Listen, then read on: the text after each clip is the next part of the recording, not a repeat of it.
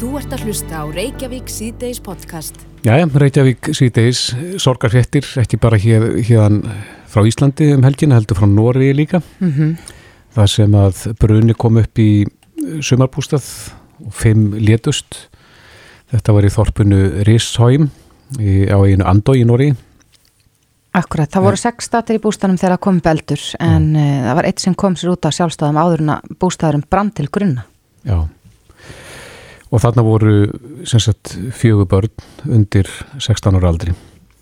En ég veit að þetta fær marga því að Íslandinga þekkja náttúrulega sömarbústæði mjög vel, eða mm -hmm. sömarhús og ég veit að margir kannski fóru að spá svona í sín eigin mál.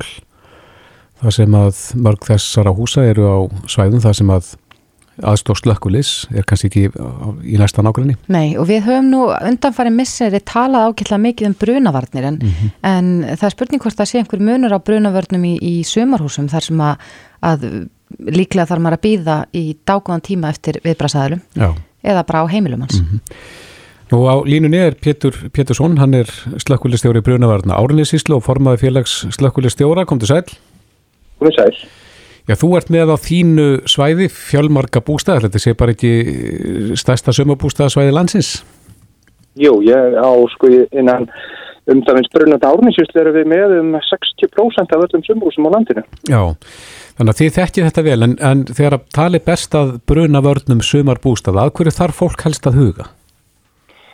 Og það er náttúrulega í rauninni ekkert öðruvís en bara á heimilum almennt uh, sem eru svona það sem festir í byggingar gerður á næði dag það er reikstinir og slökkutæki og það allt saman. Mm -hmm.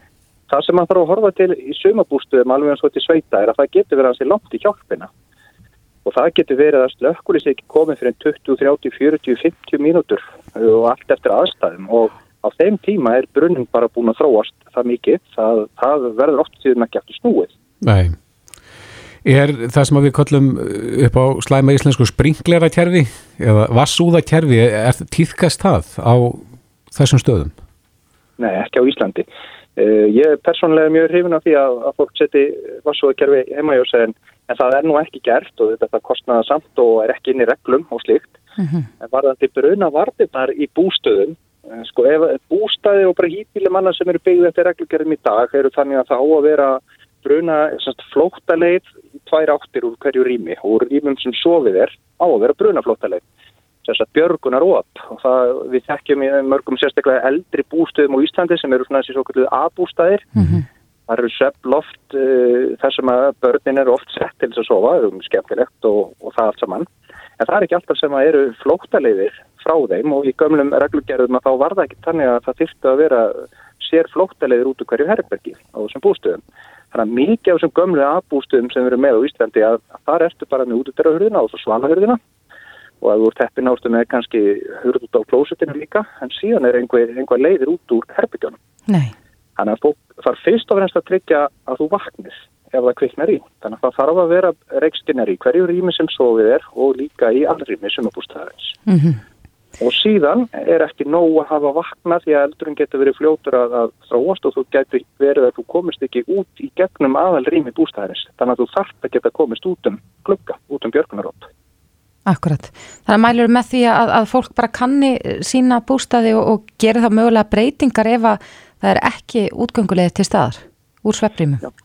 Alveg tvímæla löst og breyta því þá þarf ég að búa til nýja klukka í, í þau þau rými, þau herbyggi sem þeir eru ekki en, mm. en vært, það, nú, það er gamlir bústæðir líka, það er kannski bara komið tími á það og það sem meira er og það sem sofið er í risum, það sem bötun er oft sett að það sé að sjálfsögðu leið þar út og síðan þarf að vera stíi ofta tíðum felli stíi eða bara stíi skrúaði utan á húsi þannig að það sé hægt að komast nýður líka mm -hmm.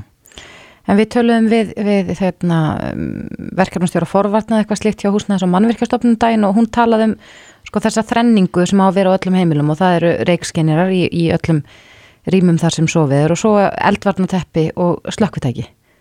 Já, um, alveg.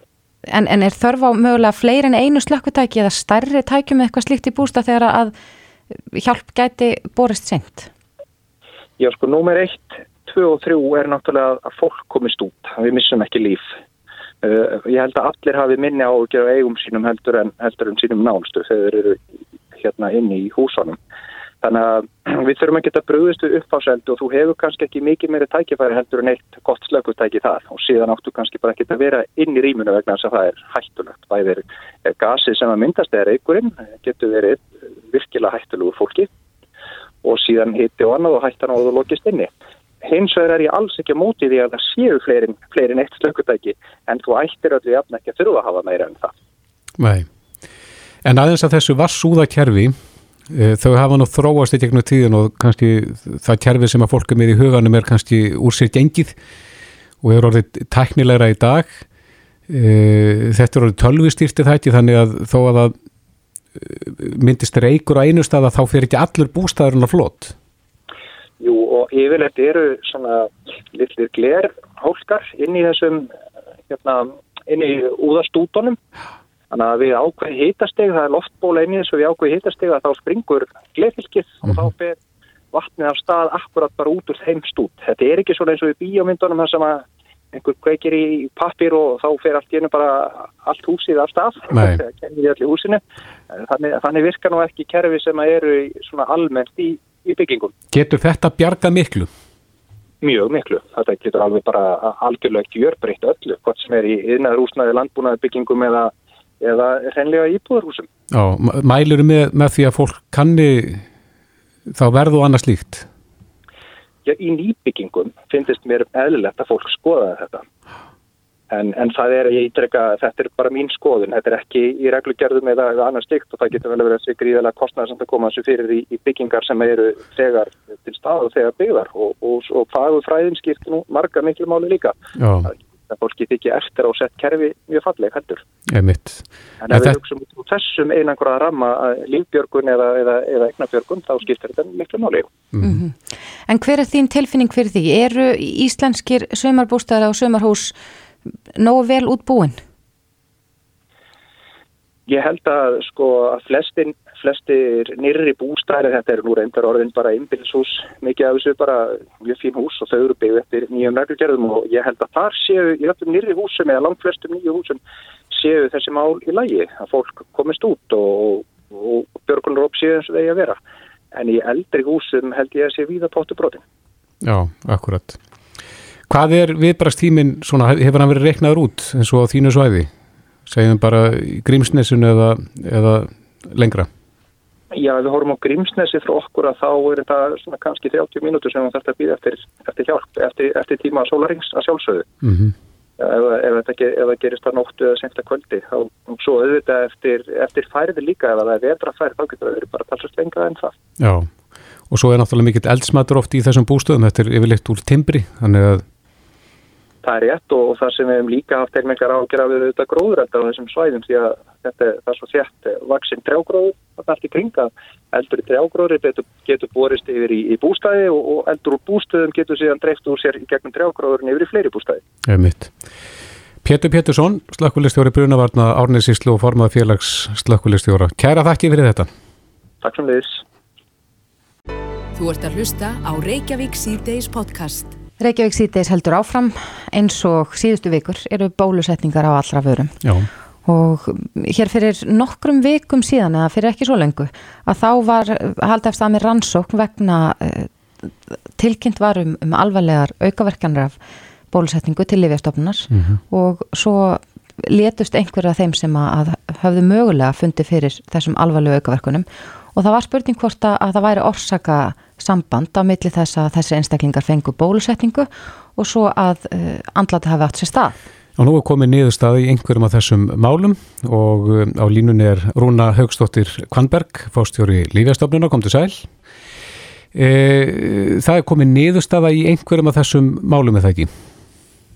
Jú, uh, landlæknir kynnti þessa niðurstöðu í, í morgun. Mhm. Mm og niðurstafan var svo að í þessum, uh, þetta voru raunverulega fimm andlátt, sem sagt fjögur andlátt til þess að byrja með og veikindi síðan, veikindi sem síðan leittu til andlátt og niðurstafan var það að í fjórun tilvíkana er ekki talaði sér orsakatengsl en það er svo sem ekki hægt að útiloka tengsli í, í einu þeirra þó að uh, vissulega sé líklegt að andlátti hafi verið að völdum undirleikjandi ástand. Mm -hmm. En hvernig er hægt að, að finna út svona orsaka samhengi? Það er að segja, hvað, hvað er það sem ræður úslitum? Sko, þetta er náttúrulega ennbæð til landlæknis, eh, sem sagt, eh, sérfræðingar og þeirra vegum og það var bara farið í sjúkaraskrár og, og, og, og slikt og uh, farið yfir gagg viðkomandi einstaklinga og síðan var farið yfir tölfræði döðsfalla hjælendis og síðan í þriðalagi höfum við og sóttvarnalæknir verið að kanna uh, hvernig þetta hefur verið í, í, í, í Evrópu og á Norðurlöndunum. Mm -hmm. En e, frá því að við tölum við því síðast að þá hafa nú borist aðeins fleiri tilkynningar þetta um eh, mögulega raukaverkanir? E, jú, sko það eru komnar uh, sagt, átta alvarlega raukaverkanar og þar af sagt, sjö andlát, þessi tvö andlát bættust við uh, þessi fimm sem, þessi tvö bættust við þessi fimm sem orðin hafa. Mm -hmm og það var ekki talið að þetta taka þá inn í þessar ansakn en það hafði hún þegar farið á stað og uh, tölurverður tími leið á milli bólusetninga og andláts. Akkurat, en ég veit nú ekki hvort að þið séum með eitthvað svona spálíkan yfir það hvernig svona lagað fer fram en, en eins og hefur verið rætta þá erum við að, að bólusetja núna viðkvamasta og elsta hópin okkar. Um, er þið með samanbyrðu önnur lönd hvort að staðan sé svipu þar? Já, við erum með samanbörðu, hefur nú kannski sérstaklega verið að fylgjast með þessu náið í, í, á Norðurlöndunum og það er verið að tilkynna andlát sagt, á þessum uh, hrumu einstaklingum, öldrum einstaklingum undirlikjandi sjúkdóma með svona sambarilegum hætti. Þessar tilkynningar eru aðeins að koma inn setna heldur en komi hjá okkur en það byrjum alltaf að hafa í huga að löndin í kringum okkur eru í miðjum faraldrinum eins og við getum sagt og það mæðir mjög mikið á þeim bara út frá uh, COVID og andlátum vegna COVID svo að þeir eru kannski svolítið í öðru umhverfi heldur en við. Mm -hmm. En er þið með samaburð bara við önnur influensu líf og bólusetningar?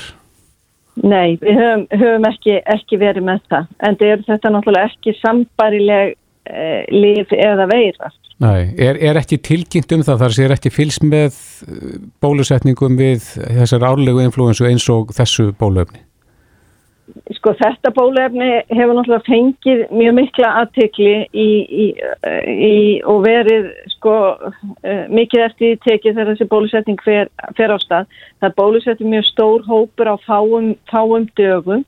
Uh, við hefum ekki séð svona tilkynningar í sambandi við influensu bólusetningar En við skulum ekki gleyma því að nýja livjalög uh, tóku gildi núna 1. janúar og þar er uh, heilbyrðistafsmennu skilt af uh, tilkynna aukaverkanir svo að það er kannski svona sambland af þessu tennu sem við erum að sjá núna. Mm.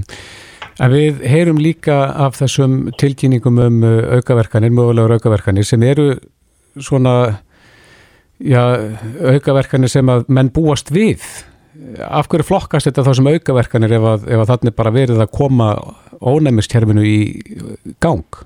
Já, það er náttúrulega bara hluti af þessari svo kallari livjagátt og það gerur greinamennar á alvarlegum og ekki alvarlegum aukaverkunum og þetta er eitt af því sem er bara fylst með og kannski hvort að koma eitthvað nýtt fram í ekki alvarlegum aukaverkunum og þetta er bara svona hluti af þeirri neytendavend uh, sjúklinga þegar að ný líf koma á markað og þá sé tekið uh, á móti uh, mögulegum aukaverkunum og það er greindar. Mm -hmm. Nú erum við, að, að, erum við búin að fá fyrstu skamtana af, af uh, bólefni frá Moderna og búinst við frá AstraZeneca minni mig. Ég sé ekki að fara með randmál en, en síðan eru fleiri fyrirtæki í starthólunum. Munið fylgjast náið með sko greina í sundur aukaverkanir af, af völdum bólefnis frá Pfizer og, og svo hinnum? Já, já, við erum með þetta hérna á, á heimasíðu okkar uh, hjá álegastofnum sem erum við byrstu við uh, um 11 og hverjum degi sem upplýsingar um tilkynntar mögulega raukaverkanir mm -hmm. og þar er greint á milli þarna uh, bólefnana. Hefur þið verið tilkynnt eitthvað um aukaverkanir að völdum Moderna? Já, já, það hefur verið, verið tilkynnt um það. Það hafa borist 16 aukaverkanir af uh, Moderna uh, og það er að 15 uh, ekki taldar alvarlegar og einn talin alvarlega en þó ekki andlátt og, og en hafa bara í huga að þetta er, þarna er verið að bólusetja alveg ólíka hópa. Mm -hmm. í moderna bólefninu var náttúrulega verið að bólusetja til til að ung fólk, framlýnustarsmenn, en í fyrsta skamtinum af Cominatri eða Pfizer bólefninu þá var náttúrulega verið að bólusetja okkar elsta kannski og hrumasta fólk. Svo það er ekki að bera þetta saman en við erum bara að byrsta þessar upplýsingar með mhm. þessum fyrirvörum og, og svo mun þetta alltaf breytast eftir sem bólusetningunum framvindur og hvort við fáum nýtt bólefni e, fljóðlega þá kemur það bara líka hennin. Já, þetta er ungara, yngra fólk sem að, sem að hérna er bólusett með moderna efninu en Já En þegar þú segir alvarleg eh, aukaverkum, hvað, hvað fælst í því? Það fælst í því að, að það er einhver, einhver, einhvers konar innlögn eh, eða yngripp á heilbreyðstofnun og ég held að það hafi verið þetta, þetta ofnæmissjokk sem var nú í fjölmiðlum. Já, bráð ánæmi. Bráð ánæmi. Mm -hmm. En eh, hvernig lítur planið út núna með komu bóluefna? Þið fáið vantilega tilkynningum þá, er það með eitthvað, eitthvað áallun? Já, við erum svo sem ekkert, við erum kannski ekki mitt í tí, við, við fylgjumstum náttúrulega bara með þessu gegnum, gegnum dreifingaráðilana, eh, en við erum kannski ekki hluti af þessari, eh, hvorki af innkaupunum nýja eh, dreifingunum nema bara að, að fylgjast með því að, að allt sé gestur réttan hátt. Já. Já, Rúna Haugstóttir Kvanberg, eh, forstjóri Livjastofnunar, kærar þakki fyrir þetta. Já, takk fyrir. Þess. Hlustaðu hvena sem er á Reykjavík C-Days podcast. Eitthvað svo leiðis. En það eru samt svona hlutir þannig inni sem að menn eftir að varast. Eins og hverjir? Já, til dæmis í WhatsApp að, að það er, segjaðu bara beint út að, að samskiptin séu dulkóðu enda í enda og það er alveg rétt. En það eru í fullt af upplýsingum sem að WhatsApp geymir eins og til dæmis hvar þú ert, uh, við hvernig þú ætlar að hafa samskipti eða við hvernig þú hefur samskipti og hvenur. Mm -hmm. og þessar upplýsingar geta verið, geta verið einhvers virði fyrir þá sem að vilja selja þar eitthvað. Og WhatsApp er í eigu Facebook þannig að sem eru nú þekkti fyrir það að, að græða á svona upplýsingum með það ekki? Akkurat, akkurat. En samskiptin sem slík eru tölkóðu enda í endan Já, engin hægt á því að, að þær upplýsingar leti út. Það á ekki vera Nei. Síðan eru til önnur fórið eins og Telegram sem er oft nótuð í svona hópum, svona mótmælendu hópa, kannski sérsniðin fyrir, fyrir stóra hópa eða samskipti. En grunnstaða þar að þá eru samskiptin ekki dölgóð enda í enda. Það fyrir að setja sérstaklega stillingu til að gera það. Já, já. Við heyrðum það hérna á en við opnaðum fyrir síman og það var eitt sem var hringt inn og sagði að Telegram væri notað svolítið í undirheimunum. Já, það er svona svolítið vafasamt sko. Ég er ekki endilega að segja þessi svona lélegt fyrir það en, en kannski að það vera betra en þetta er oft notað í svona já, nýju hópum og þú ætti að setja fram einhverja mótmælaðagerir og vilt eiga samskiptur marga í einu, þar hefur það komið svolítið stelt út. Já, en, en ætlaði að hafi bara þróast þannig, ég varst nú um að þeir sem að já, þróið og stopnuði Telegram hafi ætlaði í þeim tilgangi? Já, það hefur bara þróast þannig. Akkurat. Ég hef ekki trú á því að menn hafa sérstaklega búið þetta til þessum tilgangi. það sem er líka meira það er að, að það er að það fá hugbúna á borðtölunar og allavega fyrir Apple er að þannig að skilabónu eru bara geimt í textaskrá mm. þannig að þá er engin dölkon Nei, en um, já, við myndust aðeins hérna á þetta app sem heitir Signal og já. Sem er orðið ansi vinsælt allavega eftir að Elon Musk var að dásama það á Twitter mm. uh, Hvað er frábriðið við Signal og svo þessi hinn forrið sem við þekkjum? Signal er smíðað af einhverjum, helst einhverjum tvei aðila sem komaði og það er ekki smíðað inn einu svona fjárhæsluðum tilgangi og það er mjög ólíklegt að, að þeir fara að taka upp á því að selja þetta inn í eitthvað, eitthvað apparat eins og Facebook eða eitthvað svo leiðis. Það er miklu minna gögnum sem er sapnað saman og það er svona ímseg fítus að það er til dæmis að það er ekki það er ekki að taka afrita gögnunum, hefur tekur afrita einhvern gögnum þá náttúrulega bara undir, já maður veit ekki hvort að þau séu þá geimt uh, dulkóðu ekki. Þannig að þetta er svona ef að menn þurfa að tala reyndamál eða senda því að signalega þetta nota til að tala saman með líka þá er, þú spyrir öryggisæðilega þá myndum menn mæla með signal mm -hmm. Já, við sjáum það að uh, stjórnmálamenn uh, eru mikið til á þessu appi mm -hmm. Ég nota þetta líka ef það, ef það þarf að fara í svo leiðis umræður sko Af en, því, en, uh, notar þú það út af örygginu? Já, það er oft í okkar vinnu þannig að við þurfum að tala um álefni sem að við viljum ekki að neynir geta hlustað á eða komist inn í. Mm -hmm. Þá þú... er signal einfallega að tala, tala örugast og það er allir dómar um signal sem slíkt eru, eru mjög góðir. Þannig að Já, ég hugsa að sé nú fáir jafn öryggis þengjandi og þú, Valdimar, þannig að ef að þú treystir þessu, það ættu við að treysta þessu. Já, ég held að sé að segja það. Þetta er, þetta er hérna, það er ekki verið að gera þetta í einhverjum hagnaða tilgangi, það er ekki verið að sapna ónauðsölegum upplýsingum eins og til dæmis hvernig ég er að tala við. Nei, en við höfum svolítið verið að tala um skrifleg stílabóðum. Hvað með hljóð, talstílabóð sem að margir tala saman í gegnum uh, Facebook Messenger? Mm -hmm. Saman með Facebook Messenger, all, allavega skrifleg skilabóðin er ekki dulkóðið í grunnstöðu og ég uh, dregi í Eva, svo ég ætla ekki að fullira að, að, að talskilabóð séu, séu hérna dulkóðu, en signalskilabóðin eru signalsambandi allt sem slíkt er dulkóðu enda í enda. Þannig að það er það að tala saman talstílabóðum á milli þar? Já, þú er bara að tala eins og þú setja að tala í síma. Mm -hmm. Já, þú getur einhvern veginn ringt þá í gegnum signal og, og þá verið nokkuð örgum að yngir sé að hlera þig. Já, og þeir sjá það sem sett upp signal að það finnur þá nótendur sem er í símaskránu hjá þér sem er að nota signal. Þannig að þetta er bara svo, já, þetta er bara svo sími. Já, einmitt. Já, uh, þetta er áhugavert en það er ekkert svona í dag sem að fólk þarf að hafa neinar áhyggjur af svona þessi meðaljón. Nei, eins og segi, man, maður ánlega aldrei að skrifa eitthvað á Facebook Messenger sem maður getur ekki sagt nýtt við fólk, þannig að menn ég þá bara gera ráð fyrir því að öll skila på geti og einhverju tíma komist út í kosmosið. Já.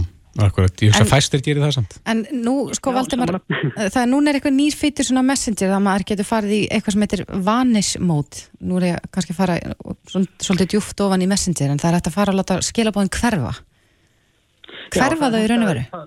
Já, þá þarf að velja þetta secret mode sem þú velur þá fyrir hvert þann aðla sem þú ætlar að tala við og þá getur þú sett einn tíma sem eigið skilabóðin Gallin er alltaf sá að, að ef að menn eru að nota síman sinni að, að, að tala við einhvern annan aðli að skrifa skilabóð við einhvern annan aðla og þú ert í secret mode að þá sér þau ekki þau sömu skilabóð á bortfölinu þegar þú kemur heim og ætlar að nota hann alltaf samskiptu við sama aðla. Nei, en eins og Þórtið spyr, hverfaðu alveg eða eru þau eitthvað stafar geimt þarna á bakvið? Þetta er, er auðvitað að svara, þau eiga að hverfa skulum við segja. Mm -hmm. Já. Valdimar Óskarsson, frangvandastjóri Sindis, kæra þakki fyrir þetta. Takk fyrir mig. Reykjavík síðdeis á bylginni. Reykjavík síðdeis, það var sorgar frétt sem að barst um helgina. Já. og kona sem að létt lífið eftir bílslis og um, þetta var á svæði fyrir vestan þar sem að símasamband var ekki neitt að sög þeirra sem komu að Nei, það, vor, það var fólk sem kom að bílnum og, og, og hjálpaði fjölskyldunni úr bílnum, skilst mér. Já.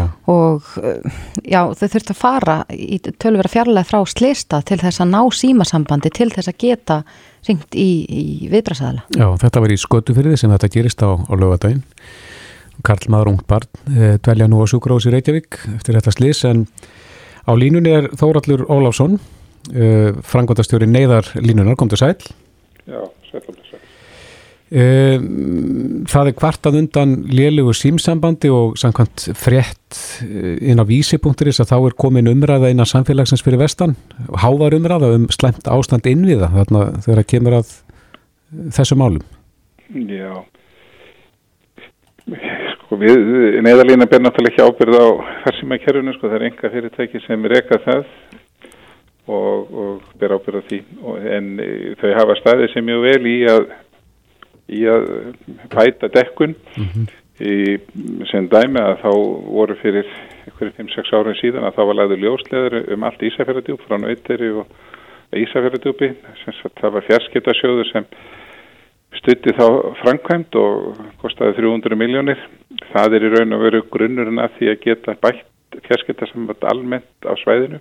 Mm -hmm. í fyrra voru settur upp þrýr nýjir fjarskiptasendar einn á Múla í, við Ísafjörð sem tekur Ísafjörðin sjálf, sjálfan.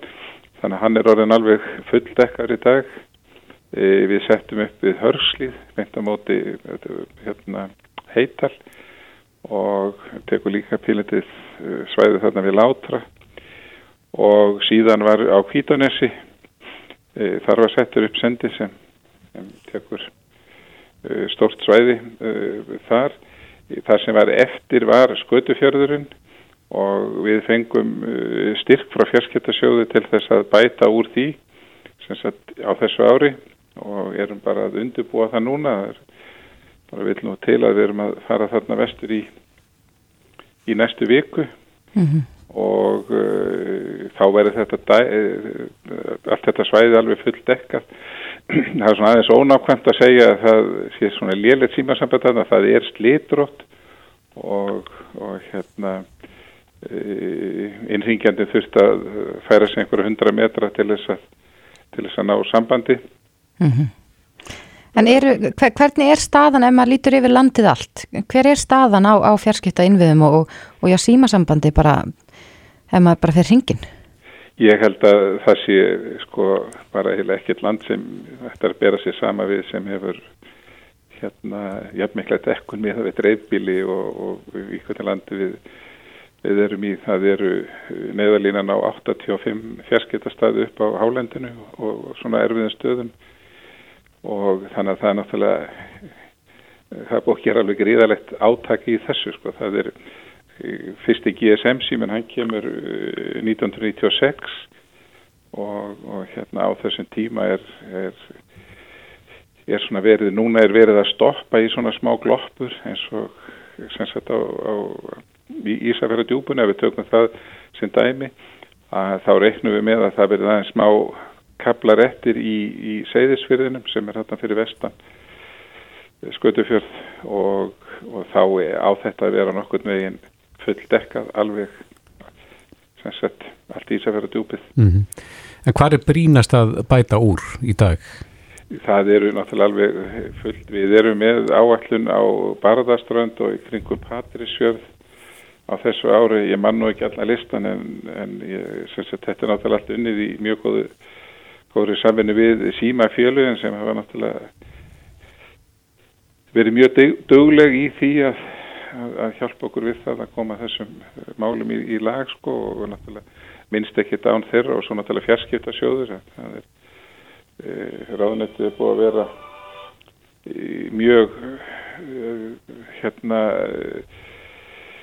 örlátt á að aðstóða við þetta. Það, það hefur ekki, ekki hérna, staðin eitt á því. Þetta er náttúrulega bara takmarka hvað er hægt að að taka eh, mörg verkefni fyrir á hverju ári mm -hmm.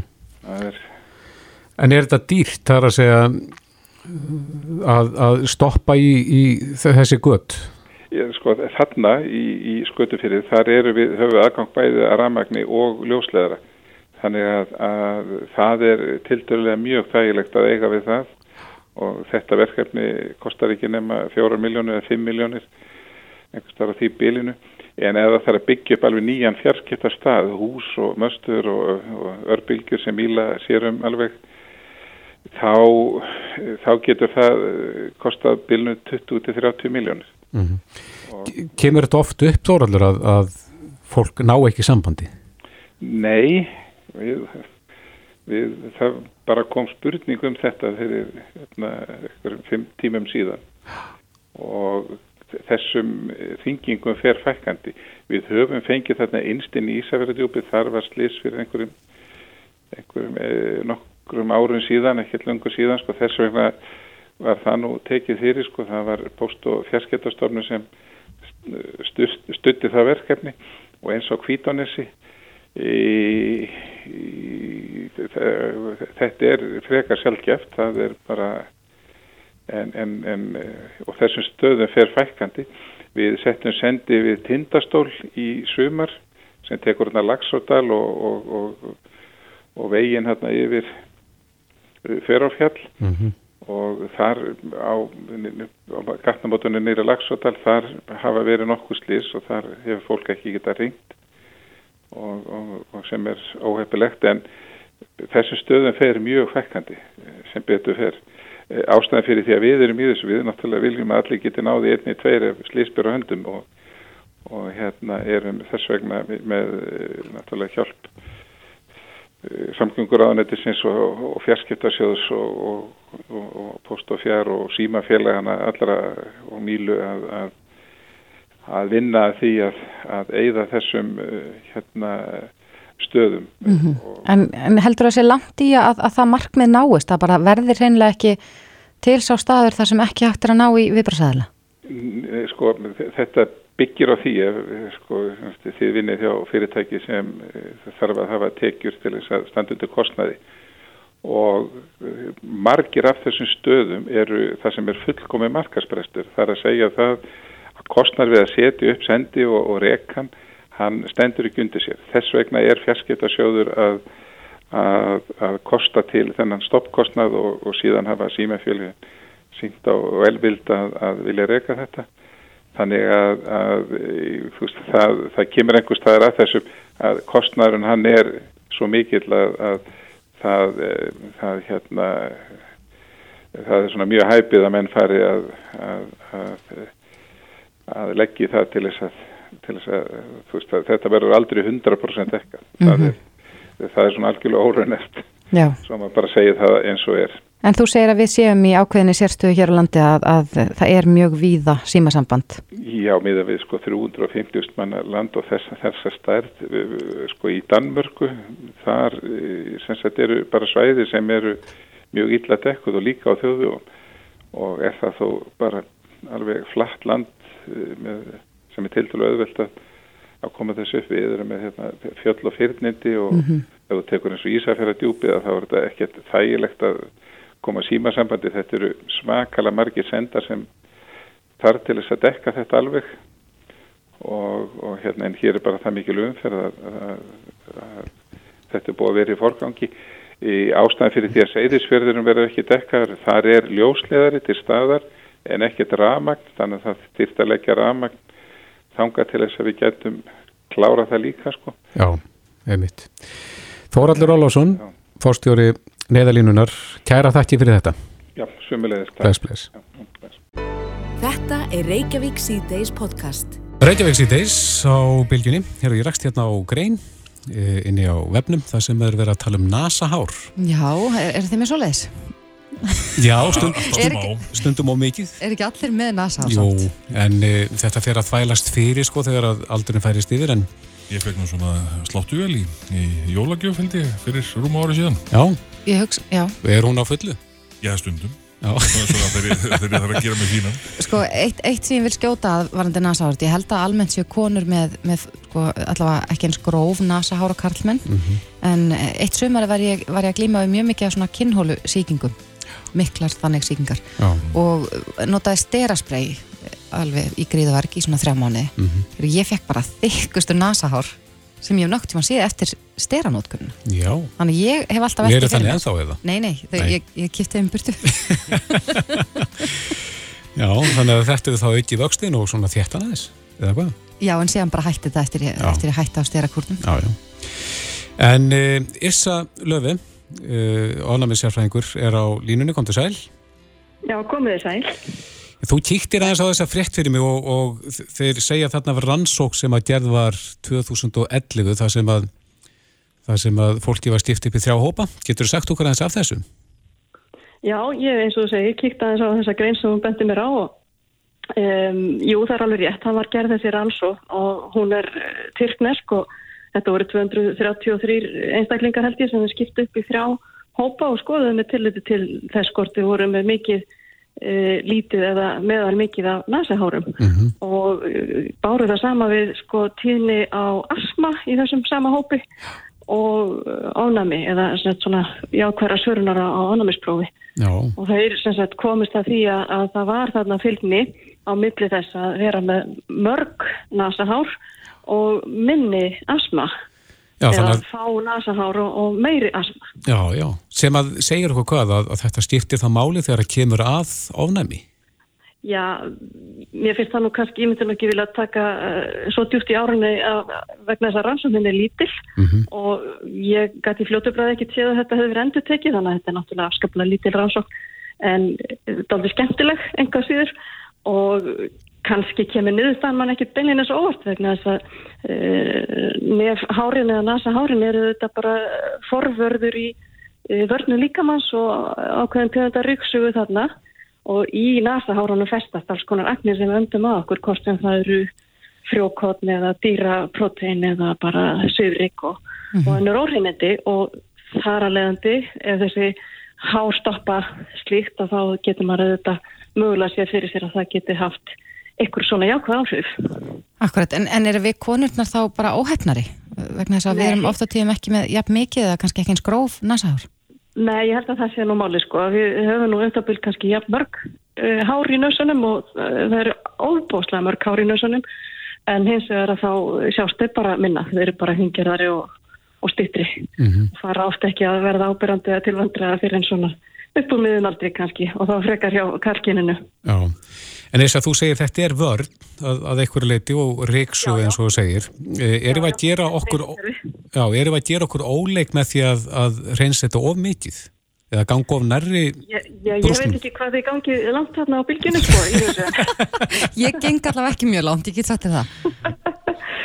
Nei, nei, ég held að sko svo lengi sem fólk er ekki farið ykkur að vaks með þau eru og slíkt og það kannski breyti nú ekki miklu en þetta virðast vera allskynst, þetta eru bæði þessi grófu hár sem geta verið sínileg en svo er vist mikið líka af þingjarðari hára sem að maður reynlega sko sér aldrei með byrjum auðvitað sko Nei. og ég, ég held nú að svona að trimma þetta sem vex uh, fram úr að það getur nú ekki verið til skada sko Nei, en þeir segjum eitt og töluðum eitt um þarna bæði asman og síðan þetta ástíðabundna ofnæmi eins og frjókorna ofnæmi og annað slíkt er, er, er eitthvað í gangi núna á þessum ástíma sem að eh, veldur ofnæmi? Nei, það er bara svona snjókotna afnæmi fyrir, fyrir norðan kannski helst. já, með útborótum og slíku. Ekkert, já, já, nei, það er ekkert hérna, það er náttúrulega engin frjókott núna en þetta eru svona heilsárs vandamál sem að fólk glýmur við eins og dýra afnæmi og, og þess aftar sko. Mm. Þannig að það er alltaf eitthvað í gangi á þeim sem eru með slikt sko. Já, hvað með þurft loft? Ekki, Já, það er náttúrulega uh, aldrei, aldrei gott og á þessum ástíma, nú erum við eiginlega sikla inn í þann ástíma þar sem hann loftið eitthvað þurrast. Mm -hmm. uh, veturinn og, og svona setni hluti vetrar fram á vor, þá er kallt og þá er þurft og, og þá koma alls konar einkenni frá slímhóðan sem að minnaðum margt á ánæmi en eru það ekki. Um, slímhóðan er hjá bregðast reynilega við uh, rétt eins og húðin við ofurru lofti.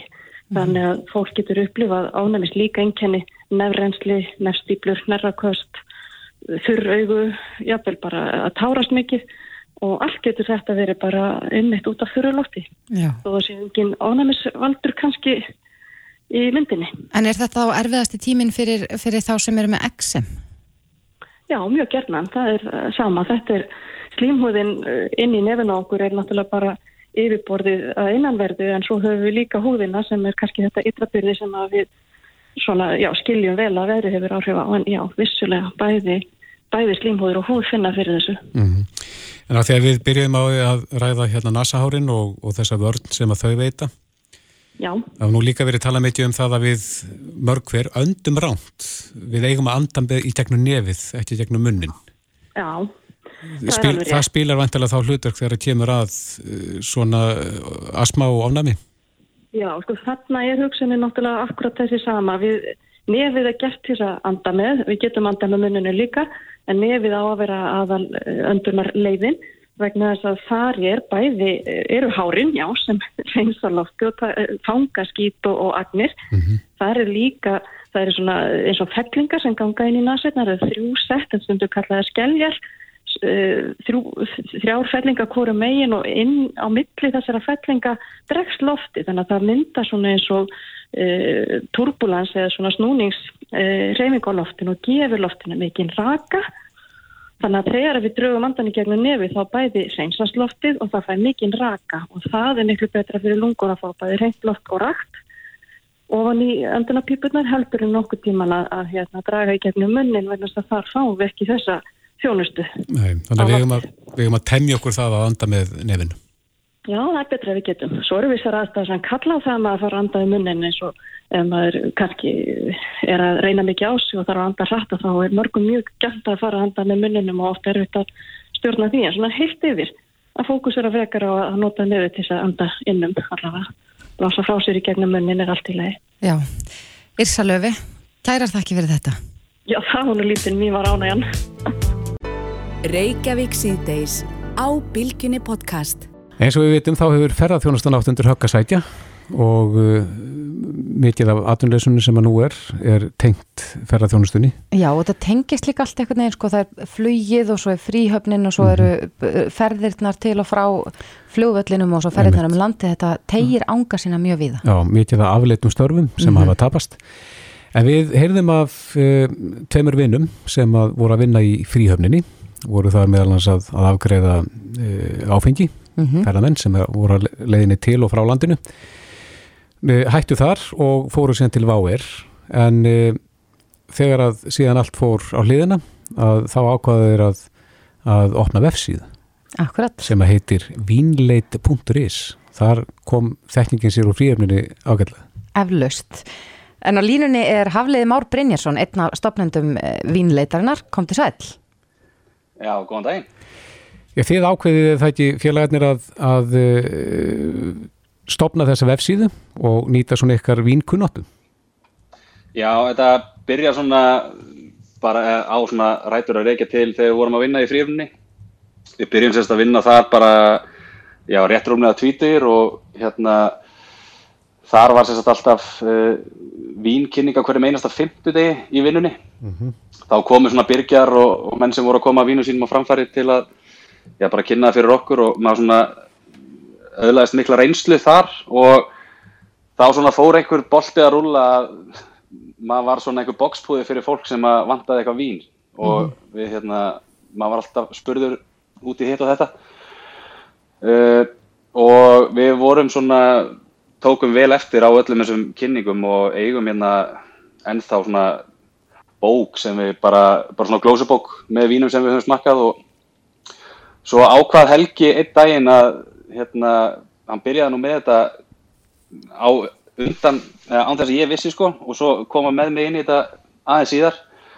Þá hafði hann sambandi forritara til að koma þessari bók sagt, bara í stafrænt form og þá á, á neti þannig að fólk geti svona leitað af vínum sjálft án þess að þurfa endilega kannski að ringi okkur eða eitthvað. Þetta svona byrjaði bara þannig en nú er þetta bara orðið, orðin hérna, já, vinsæl vínvefsíða með nokkur hundruð hérna, flettanir á dag og, og fólk er reyndar ennþá að ringi okkur og spyrja álits en okkur finnst það líka bara mjög gaman. En Hafli, hvernig er svona þín tilfinning fyrir því? Fólk, veit fólk almennt mikið um vín? Ég veit að það eru sumir sem eru bara með mjög sérstakar skoðanir og bara ákveðna skoðanir af því hvað vín það vil drekka en, en svo er fólk eins og ég sem fyrir vínbúðin og sé úrvalið og, og bara veit ekki hvað ég á að byrja. Uh, sko þekkingin er náttúrulega bara að aukast hún náttúrulega, vínheimurum var rosalega svona lokaður einna hérna fyrir bara, já ekki meira heldur en tíu árum síðan sko og þá svona var fólk átt að kaupa bara sömu flöskunnar, flöskunnar sem voru kannski bara svona mest af þeim í hillunum og kaupa alltaf sama límiðan en nú svona er fólk að fara eins meira út fyrir svona þægindarmann og það hérna er einmitt mjög skemmtilegu fítus á síðinu okkar fyrir fólk sem að kaupir til dæmis alltaf sömu flöskuna. Að þá getur þú kannski skoða þitt vín og ef þú skrálar aðeins niður þá myndir sjá vín sem eru svipu, það heitir bara svipu vín og þá ertu með kannski sömu þrúu uh, frá sama landi bara kannski þúsugalli eða tvöðurskalli ódýrara eða dýrara bara eitthvað aðeins öðru í sig mm -hmm. en mjög svipa því sem það, þú ert vanur að drekka þá kannski svona nærða vika þinn sjóndeldarhing án þess að fara eitthvað út fyrir eitthvað comfort zone hjá þér sem að hérna, margir eru mjög ánæði með af því að það voru, þetta var mjög hérna, tíð spurning í fríöfninni átt eitthvað svipað þannig að Já. þetta svona er að koma vel út Þetta er svona eins og með streymisveiturnar sem að læra inn á þig hvað þú vilt horfa á og koma með upp á stungur Já, þetta virkar samt ekki alveg svo leið sko, það er ekki verið að fylgjast með hvað skoðar en við bara svona setjum inn vín sem við vitum að eru svipuð og, og það hefur vakið löku yngar til Ég er nú bara rétt svo búin að skoða síðan hjá okkur en, en mér sýnist allavega að þetta auðveldi manni lífið töluvert. Þá getur valið sko engunir, verðbil og, og raða þessu eftir kannski að tímir ekki eða mjög miklu í flösku en, en vilt samt fá vín sem er með framúrskarandi engun að þá getur þú látið síðan að raða þessu þannig upp fyrir þig. Sko við vildum hafa þetta bara eins einfalt og aðgengilegt og mögulegt væri og eins bara svona ég fæði sletta bara svona idiotproof og hægt var sko. Og þú átt að bara segjum að setja að fara, það eru fimm mínutur eftir í vinninu og nennir ekki að vinna lengur, þá getur þú bara, og langar að kaupa vín og leiðinni heim, mm -hmm. þú veist, þá getur þú fundið bara flösku, tekið henni, mætt henni ríkið og verið farin út á innan við 5 mínútur sko sem er Já. alltaf líka mjög COVID-vænt núna sko. En, Já, það er vínleit.is bara til hamingi með þessa síða og þessa þjónustu. það er kjærlega fyrir. Hafliði Már Brynjarsson, kæra þakkir. Takk, takk. Reykjavík síðdeis á Bilginni podcast.